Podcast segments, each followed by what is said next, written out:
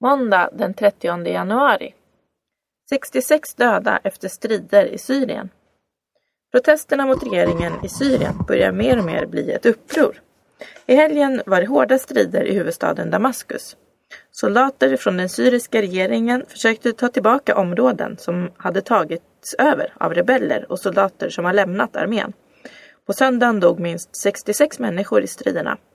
200 kan ha dött av striderna sedan i onsdags.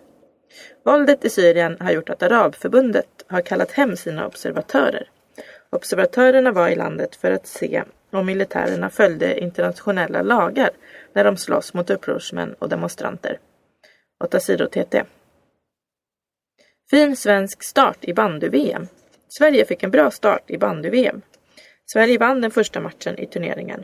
Det blev storseger mot Finland. Sverige vann med 12-0.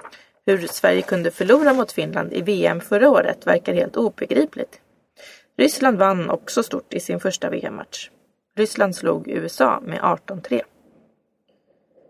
Guidetti gjorde tre mål igen. John Guidetti gör stor succé i den holländska fotbollsligan. I helgen gjorde den unge svensken ett hattrick, tre mål. Guidetti var på lysande spelhumör när hans lag Feyenoord vann mot Ajax. Det här var andra gången den här säsongen som 19-åringen gjorde tre mål i samma match. Guidetti har haft en fantastisk målform den här säsongen. Han har gjort 14 mål på 13 matcher i den holländska ligan. Nu vill många att den unge svensken ska bli Zlatans anfallskompis i sommarens EM. Den 29 februari spelar Sverige en träningslandskamp mot Kroatien. Då kommer vi säkert att få se Guidetti på plan. Hägglund vann striden i Kristdemokraterna. Göran Hägglund får fortsätta som ledare för partiet Kristdemokraterna. Det blev klart i helgen när partiet hade ett stort möte i Västerås.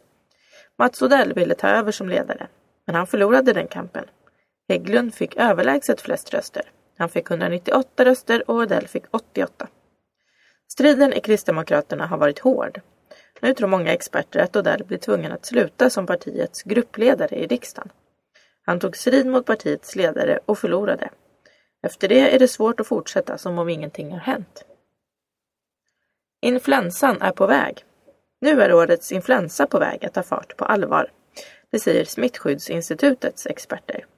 Allt fler människor blir sjuka och Sverige kan vara på väg mot rekord.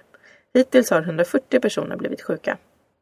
Vi tycker att äldre ska vaccinera sig. Vaccinering kan vara skillnaden mellan liv och död, säger Annika Linde på Smittskyddsinstitutet. Varje år dör mellan 1000 och 2000 svenskar på grund av influensan. Värsta influensaåret hittills var 1994 då 4000 människor dog. Ryanair struntar i svensk myndighet. Missnöjda svenska flygresenärer kan klaga hos Allmänna reklamationsnämnden, ARN. Det kan till exempel handla om att få pengar tillbaka när en flygning har blivit försenad eller inställd. De flesta flygbolag brukar göra som ARN säger. SAS följer alltid vad ARN har bestämt. Men det finns några bolag som vägrar bry sig om vad ARN beslutar. Sex gånger av tio struntar Ryanair i att lyda ARN. Lufthansa lyder inte heller alltid den svenska myndigheten. Ryanairs chefer säger att de följer de regler som EU har bestämt. Ryanair tycker att de flygbolag som lyder ARN får skylla sig själva. Det är idiotiskt av SAS att lyda ARN, säger Steven McNamara på Ryanair till Rapport. Snowboardåkare dog efter olycka i Sälen. En 25-årig snowboardåkare dog efter en olycka i backen i Hundfjället i Sälen i helgen. Olyckan hände på lördagen. Mannen fördes med ambulanshelikopter till sjukhuset i Oslo i Norge. Men mannens liv gick inte att rädda. Han dog på söndagen. 8 sidor TT. Ung kvinna blev knivmördad. En ung kvinna hittades i helgen död i ett sommarstugeområde i Österåker, norr om Stockholm. Kvinnan hade blivit knivskuren. Kvinnans pojkvän har gripits av polisen. Han är misstänkt för att ha mördat kvinnan. Den döda kvinnan hittades hemma hos den 25-årige mannen. Mannen säger att han är oskyldig. Zlatan lysande när Milan vann.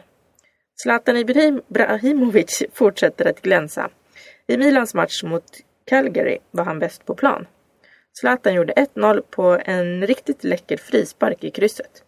Milan vann matchen med 3-0. Laget ligger en poäng efter Juventus. Zlatan leder nu skytteligan ensam med sina 15 mål.